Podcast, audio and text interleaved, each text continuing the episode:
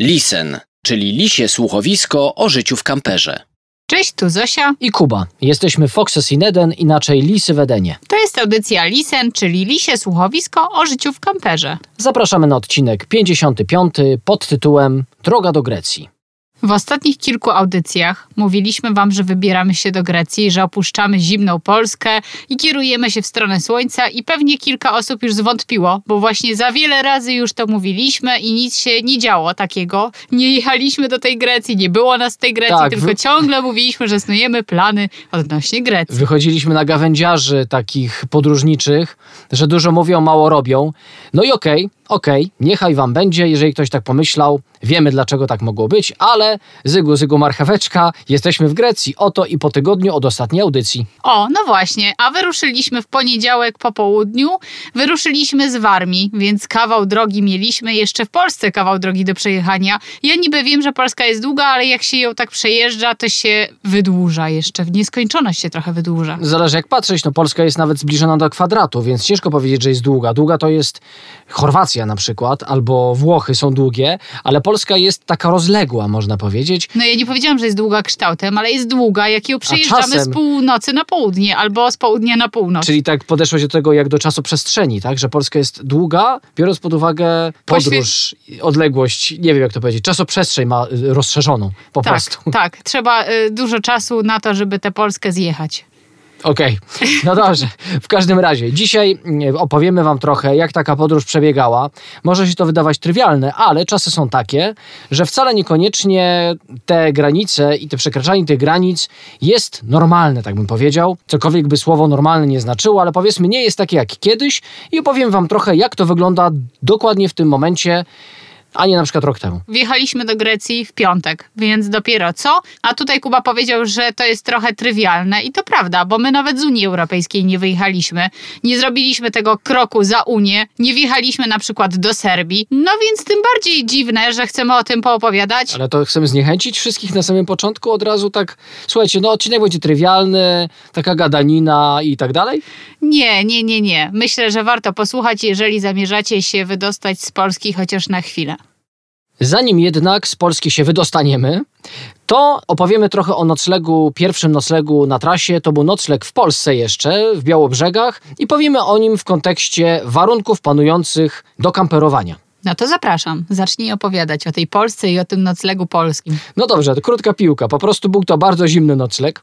Zanim wyjechaliśmy z Polski, myśleliśmy, że najzimniejsze na trasie, a to nieprawda, bo okazało się, że jeszcze pogodowa przygoda nas spotkała.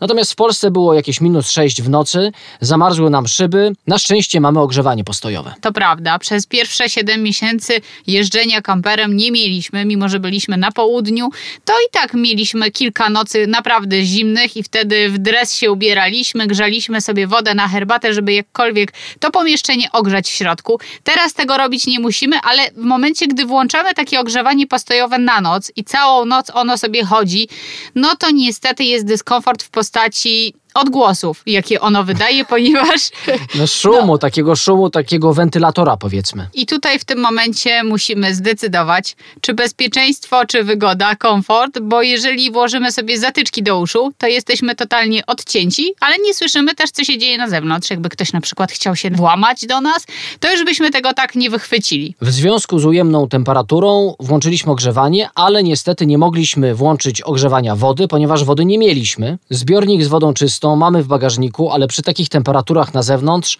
jest niebezpieczeństwo, że może ona zamarznąć. To znaczy, może w tym bagażniku być nawet poniżej zera, na przykład jak jedziemy samochodem i nie grzejemy wnętrza, więc musieliśmy poczekać na zatankowanie zbiornika, aż temperatury na zewnątrz będą chociaż w okolicach zera, no nie minus 6. Ale spokojnie, to była dopiero pierwsza noc. My byliśmy już umyci, wykąpani, bo wyjeżdżaliśmy od moich rodziców z Warmii, jak już powiedziałam, więc jeszcze nie zdarzyliśmy się zbytnio zabrudzić.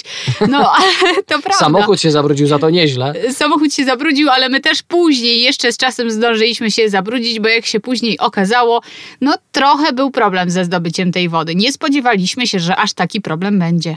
Przejechaliśmy Polskę i dojechaliśmy do granicy ze Słowacją. Teoretycznie na granicy powinniśmy mieć sprawdzane paszporty covidowe, mamy takie paszporty, oraz formularz meldunkowy, który z powodu pandemii trzeba mieć, trzeba go wcześniej wypełnić, żeby w razie czego było wiadomo, gdzie człowiek się na tej Słowacji zatrzyma. No ale teoria nie zawsze równa się praktyka. Przejechaliśmy więc te granice bez żadnej kontroli, nikogo na niej nie zastaliśmy. Panowie nie sprawdzali naszych dokumentów. A panie Pojechaliśmy. też nie sprawdzały? Mm, Pani się żadnej nie spodziewałam, przepraszam. Czemu? Przecież na przykład kiedyś na granicy, już pamiętam, węgierskiej była pani, która nas trzepała, że tak powiem. Może dlatego ty ją bardziej Może zapamiętałeś tak, niż ja. może tak. No dobrze, tak czy inaczej przejechaliśmy Słowację, ale postanowiliśmy się zatrzymać na kolejną noc właśnie na Słowacji. No przystanek był raczej taki przypadkowy. To nie było nic nadzwyczajnego, nic z czym chcielibyśmy się z wami dzielić. Ale lepsze niż parking pod supermarketem czy jakimś domem handlowym. To było miejsce przy drodze wiejskiej, na polu właściwie. Była cisza, spokój, aczkolwiek znów ogrzewanie postojowe nocą chodziło, bo dalej było zimno. Mimo, że kierujemy się na południe, no jeszcze aż tak bardzo na to południe się nie skierowaliśmy, ale jednak, no to temperatury nie wzrosły, a nawet spadły. Jeżeli chodzi o Słowację, to plan był taki, żeby kupić winietę, bo Słowacja wymaga winiet nie na wszystkich drogach, ale na większości tych takich, powiedzmy sobie, lepszych czy główniejszych. Natomiast jak się dłużej nad tym zastanowiliśmy, to okazało się, że jedziemy przez krótki fragment Słowacji i możemy pojechać drogami bezpłatnymi, co też zrobiliśmy. Z północy Słowacji przenieśliśmy się na południe Słowacji w dwie godziny i nagle znaleźliśmy się na Węgrzech. I tam sytuacja graniczna była podobna trochę do tej słowackiej, to znaczy żadnej kontroli nie było, żadne dokumenty sprawdzane nie były, ale tutaj już inna sytuacja odnośnie winiet, bo postanowiliśmy je kupić. Uczymy się na swoich błędach, aczkolwiek nie do końca swoich błędach, ponieważ niedawno dostaliśmy mandat za brak winiety węgierskiej. Mandat jest zupełnie niezasłużony i to nie dlatego, że się nie przyznajemy do winy albo chcemy uniknąć kary, tylko dlatego, że tej winy nie ma. Wracając z Albanii 8 miesięcy temu, przejeżdżaliśmy przez Węgry i kupiliśmy taką winietę w budce za samą granicą, serbsko-węgierską właśnie. Winietę kupiliśmy za gotówkę i to była winieta elektroniczna. Niestety za gotówkę i to się łączy z tym, że nie dostaliśmy żadnego potwierdzenia, na przykład mailowego. W momencie, gdybyśmy kupili ją przez internet, to byśmy mieli na mailu takie potwierdzenie. No i na tym mailu sobie potwierdzenie by wisiało miesiącami albo i latami, bo Prze- tutaj uwaga, w regulaminie jest napisane, że taką winietę trzeba trzymać nawet do dwóch lat. Do dwóch lat może się do nas ktoś zgłosić i poprosić o potwierdzenie kupna tej winiety. Jeżeli nie okażemy tego potwierdzenia, to możemy dostać mandat. Sprytne bardzo. U nas wystarczyło 8 miesięcy i już się do nas zgłosili. Problem polega na tym, że nie mamy żadnych potwierdzeń, nawet nie mamy żadnego paragonu, no bo to dawno temu było, przecież takich rzeczy się tyle nie trzyma, przynajmniej normalny człowiek tyle nie trzyma paragonu. No już teraz będziemy, jak powiedziałam, czytamy już regulaminy i Nie, już teraz, wiemy. teraz to już właśnie kupiliśmy tę winietę na Węgrzech przez internet, więc mamy wszystkie niezbędne potwierdzenia i przelewu z karty, i maile i tak dalej, i tak dalej. Natomiast tutaj niestety z tą winietą z przeszłości mamy problem. Trzeba pisać jakieś odwołanie, jakieś zgłoszenie, prośbę o kopię do tej firmy, która nam to sprzedała. Sprawa jest dość skomplikowana i wygląda na to, że niestety pewnie na koniec będziemy musieli zapłacić około 500 zł kary za coś, czego nie zrobiliśmy, albo za coś, co zrobiliśmy, czyli kupiliśmy winietę. Czyli znów uczcie się na błędach lisów, nie popełniajcie naszych błędów. Ale my jechaliśmy dalej, przejechaliśmy te W sensie Węgry. teraz, już mówimy teraz o aktualnej podróży. Tak, tak, tak. O aktualnej podróży nie spaliśmy na Węgrzech. Jakoś chyba nas ten mandat zniechęcił. Przejechaliśmy te Nie, Węgry. jeszcze jedna rzecz zniechęciła, mianowicie fatalne drogi, przynajmniej te, którymi jechaliśmy. Dużo dziur, dużo źle załatanych dziur, wertepy, także jak ktoś ma słabe zawieszenie, w sensie jego pojazd ma słabe zawieszenie, to ja nie polecam. Do granicy rumuńskiej dojechaliśmy już wieczorem, chyba dlatego, że takie złe drogi były na Węgrzech. Ja nie mam nic do Węgrów, ale jakoś tak no, zaleźli mi trochę za skórę tymi sytuacjami różnymi i tymi drogami, no więc dojechaliśmy wieczorem, trochę się to dłużyło, no i tym razem na granicy rumuńskiej sprawdzono nam paszporty covidowe. Tak, ale wszystko mieliśmy przy sobie, więc y, raczej ta kontrola przebiegła sprawnie. Mogliśmy jechać dalej. Jak Kuba powiedział, było już ciemno, było już późno, więc chcieliśmy się gdzieś zatrzymać. Szukaliśmy jakiejś miejscówki noclegowej i nawet całkiem przyjemna znalazła się przy rzece.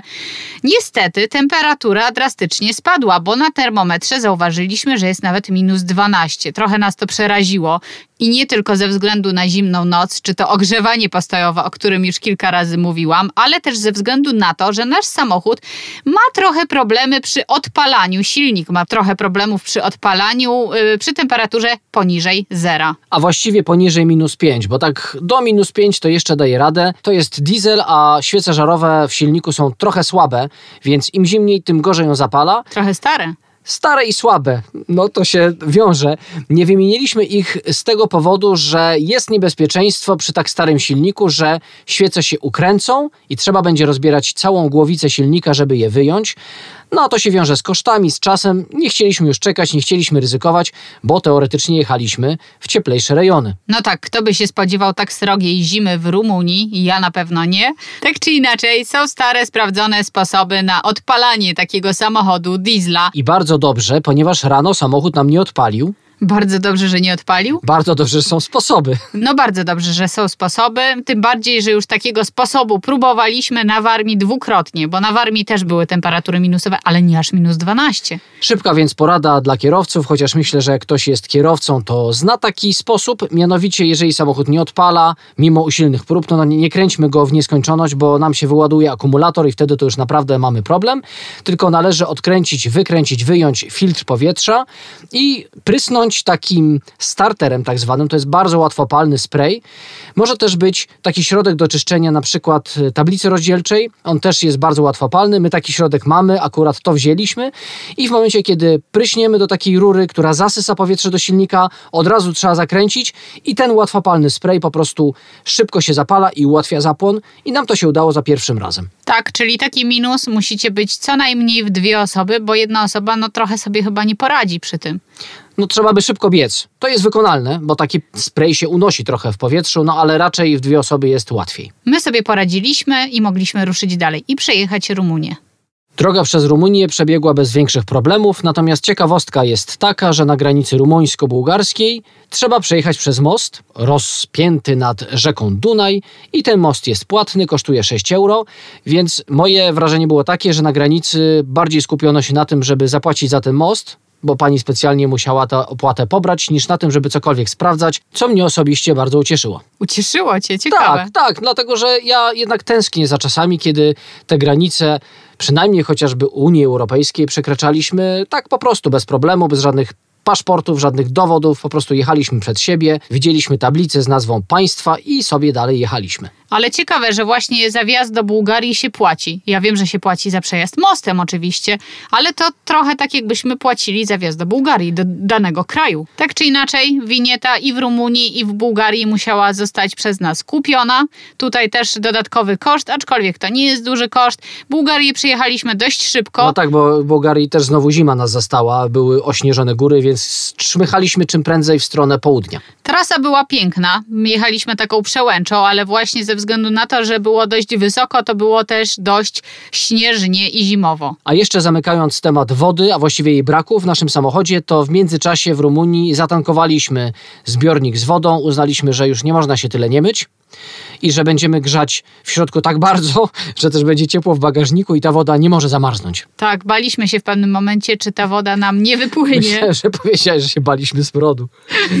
nie, aż tak się nie baliśmy, jednak jesteśmy przyzwyczajeni do swojego zapachu. Nie no, nie było aż tak źle, to było raptem 2-3 dni, no to jeszcze tak źle nie jest. Poza tym są różne sposoby, na przykład mokre chusteczki. Myślę, że dużo osób, które podróżują, zna taki wynalazek. Mało ekologiczny wynalazek. Ale no. jednak daje radę. No to nie trzeba się myć cał, całym tymi chusteczkami, żeby zużyć całe opakowanie za jednym razem. Można wziąć dwie, trzy i wystarcza na takie newralgiczne, najważniejsze rejony. Może kiedyś zrobimy taką audycję, jak być się chusteczką higieniczną, żeby tych chusteczek dużo nie zużywać. Myślę, że Kuba tutaj ma wiele porad, ale to jeszcze nie dzisiaj. Dlaczego ja?